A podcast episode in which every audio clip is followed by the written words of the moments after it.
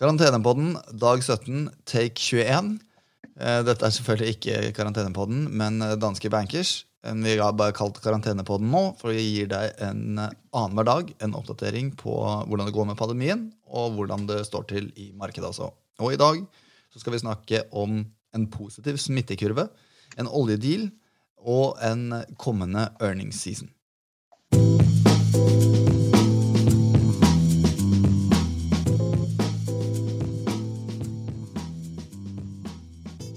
Er det deg, Christian? Det er jeg. Vi tar jo alltid de pottene poddene her på one take, men av og til så er den introen litt eh, kinkig å få inn. Men hva er siste nytt på smittefronten? Ja, på smittefronten så er det egentlig mye av det samme som vi snakket om på, på fredag. At uh, disse kurvene ser ut til å, å, brekke i riktig retning både på antall nye smittede og antall nye dødsfall. Og Det som er litt interessant uh, nå, det er jo at uh, USA har jo blitt det nye episenteret. Det er det ingen tvil om. og relativt til Kina da, så, så, er det interessant å se på hvor mange nye tilfeller man har i USA relativt til det man hadde i Kina på samme tidspunkt. Og til tross for at Kina har et folketall på er nærmere 1,4 milliarder, og USA har vel rundt 340 millioner, så er det ingen tvil om at USA har kommet eh, betydelig mer skjevt ut eh, fra start enn det Kina gjorde etter hvert, i hvert fall. Og Det man ser på kurven nå når det gjelder nye dødsfall, det er, litt interessant. fordi nå er vi på rundt dag 80 for Kina sin del, etter at eh, veksten i antall dødsfall eh, nådde tre hver dag. Mens vi er på dag 30 i USA. Og på dette tidspunktet, altså dag 30, det var egentlig det tidspunktet hvor den kinesiske kurven virkelig begynte å falle. Nå er jo antallet dødsfall i Kina langt, langt over det man hadde per dag i Kina på, på, det verste. Men det som blir da ekstremt spennende å følge med på, det er jo den amerikanske kurven brekker av like mye som den kinesiske har gjort. Det som også er interessant å se, det er at uh, både Italia, Spania, Frankrike uh, er uh, kurver som nå begynner å falle ned på vekstrate i, antall dødsfall per dag. Og vi ser også en veldig hyggelig utvikling for Norges del i både uh, vekstrate på antall smittede, men også at det ikke er noen eskalering i verken de som er innlagt på sykehus, eller det er faktisk en ganske betydelig reduksjon i antall norske som er innlagt på sykehus. Og det samme også med dødsraten. Så alt i alt så ser egentlig ting ut til å ha passert det verste. Det store spørsmålet når det gjelder koronaviruset fremover, det er jo relativt til videre, det videre forløpet, om vi går mot et bratt fall i kurvene, eller om kurvene når et platå og blir liggende der en stund. Og Da vil jo det bety en vedvarende utfordring for de planene, økonomi, eh, de planene politikerne har med tanke på å restarte økonomien. Jeg har bitt meg merke to saker eh, i kjølvannet, eller ikke i kjølvannet, men midt i den krisen her, Christian. Det er at man lærer seg ekstremt mye nye ting. Det har jeg funnet ut. Jeg skal fortelle deg litt om flaggermuser, blant annet. Eh, men så har jeg lært en annen sak, og det er hvilke Facebook-venner jeg har som jeg egentlig ikke burde være venn med i det hele tatt. For det er helt sinnssykt mye poster om 5G-master og konspirasjonsteorier rundt det her fra folk som jeg trodde var relativt oppegående. Så hvis det er noen av dere som hører på denne podkasten her nå, er venner med meg på Facebook, er vaksinemotstandere og tror at uh, Bill Gates har laget korona, så kan dere unfriende meg med en gang. Men over til bats. Eh, Flaggermuser, vet du, det er, det er, jo litt det er jo herfra dette har kommet, eller det man, har man en teori om, i hvert fall. da. Vet du, vet du, hvor mange forskjellige arter med pattedyr det fins i verden? Kristian? Nei, Jeg tør ikke å gjette engang. Nei, det er ca. 6500 arter. Og vet du hvor mange forskjellige arter flaggermus det fins? Nei, det, det, blir, det, blir, å tippe igjen også. Sorry. Ja, Men det er 1000 i hvert fall. Og det sier jo ganske mye. Og vet du hvor stor av bestanddelen av alle pattedyr som lever på planeten, som faktisk er flaggermuser? Nei. Det er 20 Av alle, alle pattedyr. Ja, og det er her det blir veldig interessant, for det har jo vært veldig mye mas om disse matmarkedene i Kina osv., og, så videre, og at ja, disse virusene kommer fra Kina. Og det er selvfølgelig bare tull. Og det matmarkeddelen er ikke så veldig interessant det heller, selv om det er jo selvfølgelig mye rart som spises der, og kanskje noen ting som ikke burde vært uh, verken drept eller spist også. Men Mm. saken er at på grunn av det sinnssyke biologiske mangfoldet hos nettopp flaggermusen, for øvrig det eneste uh, pattedyret vi har som kan fly, uh, så, så er det et naturlig um, gateway, for, for å si det sånn, da, for smitte av virus fra dyr til mennesker gjennom flaggermusen. Og av det store mangfoldet i den eh, arten nå, eh, så er de eh, altså Jeg vet ikke hvordan, hvilket term jeg skal bruke på det, men en, en god bærer av virus. nå. Og veldig Mm. mange flaggermus har faktisk bærer både korona og ebola. Og for de som faktisk liker konspirasjonsteorier, da, håper jeg, si, så kan man jo begynne å tenke hvordan det skulle gå hvis ebola og korona bestemte seg for å lage et uh, virus superbarn. Da. da kan vi begynne å snakke om en ordentlig pandemi. Vi får håpe vi, vi slipper det. Eh, interessant også er jo at eh, i forhold til konspirasjonsteorier, så har det jo etter at eh, Trump begynte å kalle dette for the Chinese virus, så har jo antallet eh, fysiske eller eh, muntlige angrep på eh, asiater, asiatamerikanere i USA økt kraftig. Og jeg hørte på en episode av The Daily, The New York Times, som beskrev ganske godt en situasjon hvor eh, en eh, kinesisk dame, som da har bodd i USA siden 1989, hvis jeg ikke husker helt feil, hadde blitt eh, direkte harselert på gata av en helt totalt fremmed, rett og slett bare fordi hun snakket kinesisk og så kinesisk ut. Ja, nei, Det er jo helt håpløst. Men folk, nå har du i hvert fall fått vite det her. At uh, hvis du tror at dette er et kinesisk fenomen, så må du lese deg opp på biologisk evolusjon, rett og slett. For dette er flaggermusenes skyld. Og det, hvis, hvis det er der koronaen kommer fra, da uansett, så er det en, i hvert fall en hel haug av andre viruser som kommer nettopp fra flaggermusen. Og det er sånn det er. Så jeg snakka med kona mi i dag. Hun lurte på om vi ikke bare kunne fjerne alle flaggermusene. Og da, da spurte jeg henne no pun intended om hun ikke hadde hørt om butterfly-effekt. Men jeg tror det ville vært eh, litt eh, smårisikabelt å fjerne 20% av de pattedyrene vi har på jorda. Det kan gi uante ringvirkninger. Ja. Helt klart. Har vi noe mer å, å si om pandemien før vi beveger oss over til markedet? Nei.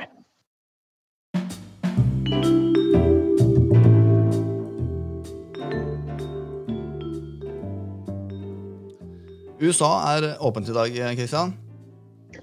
Det er det. Eh, og utviklingen der er jo ikke helt eh, på, på den hyggelige siden. Eh, SMP er ned eh, i øyeblikket rundt eh, 2 Og det er jo en liten, eh, et lite antiklimaks i forhold til det vi så forrige uke, som da var 12% opp i løpet av fire handelsdager. Som da var den beste uken siden 1974 for amerikanske aksjer. Og Det som er også er interessant, det er jo at eh, vi har fått denne oljeavtalen mellom eh, OPEC og Russland. Og G20-landene, som også da inkluderer bl.a. USA, har gitt sin eh, støtte til eh, denne avtalen. Oljeprisen den reagerer eh, likevel ikke helt store verken opp eller ned. Eh, oljeprisen ligger på rundt 32 dollar per fat.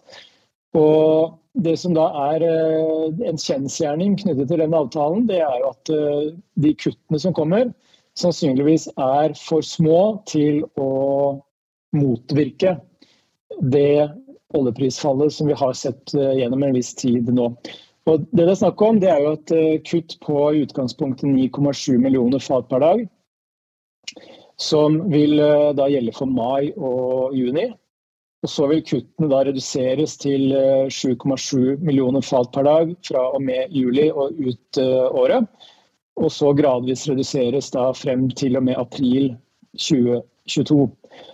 Og Det som da er eh, interessant, det er jo at eh, bortfallet av etterspørsel etter olje antas å være på rundt 25-30 millioner fat per dag.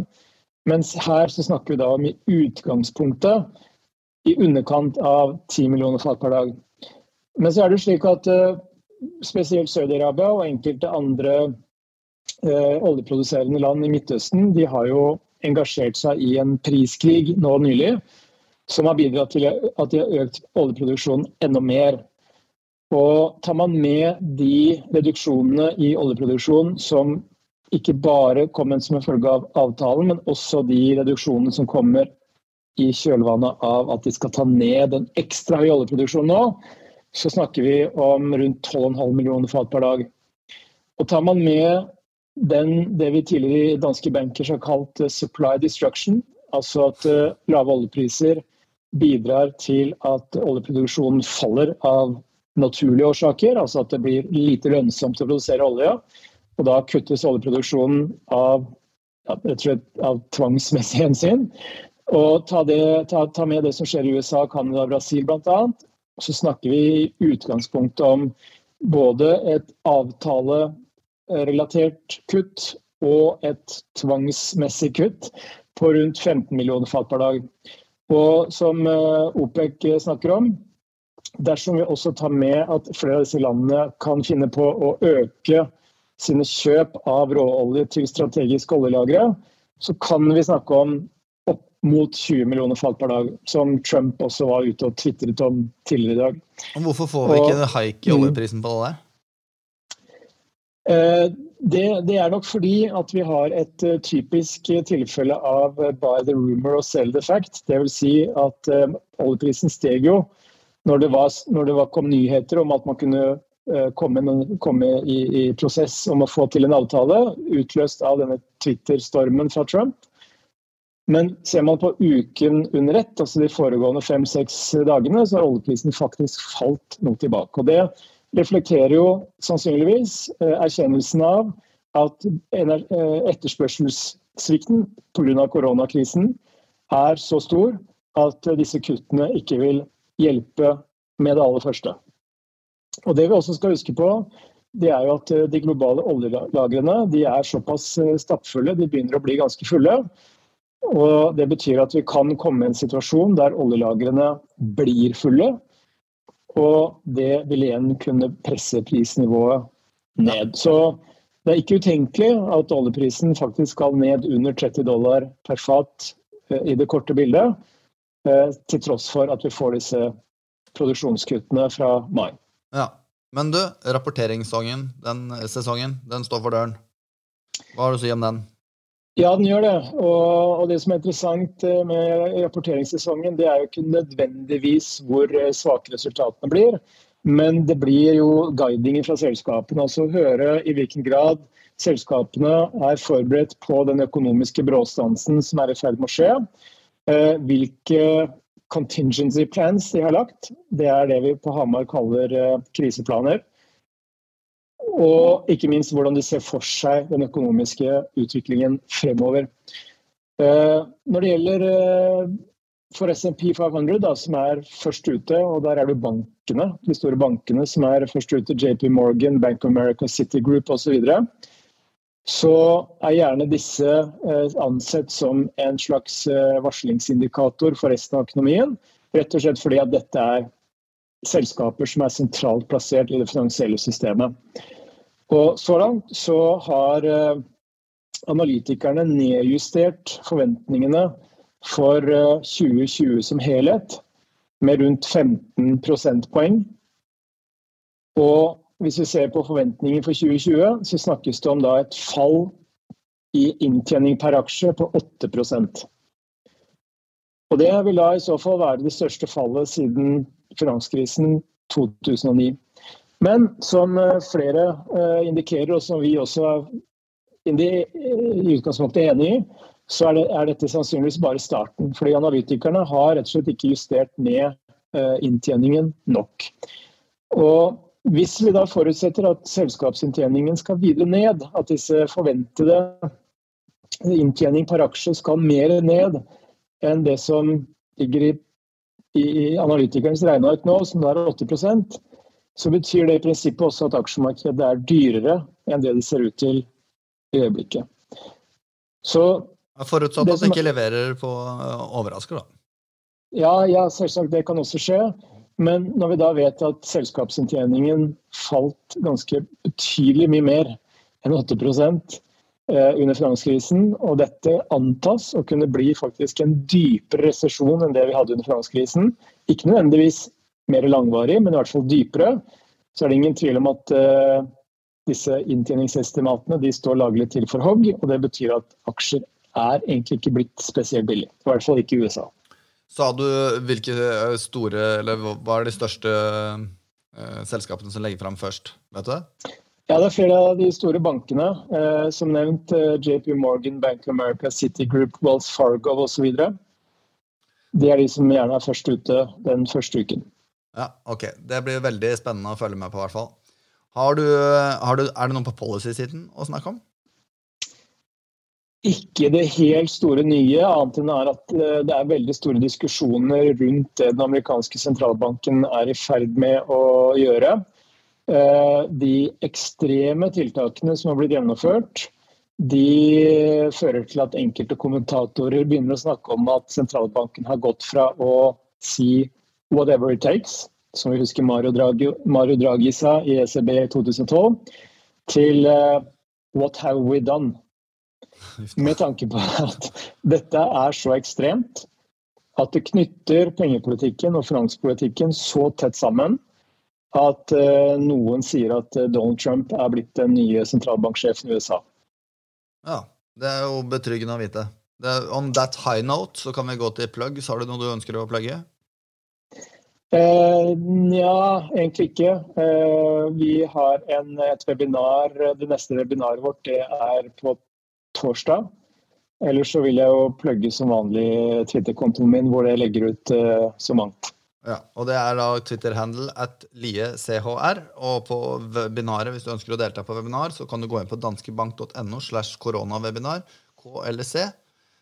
Så kan du melde deg på og se hvilke tider vi har webinarer der. Da tenker jeg vi bare si takk for i dag, Kristian, så prater vi igjen på onsdag. Det gjør vi. Ha det. Ha det.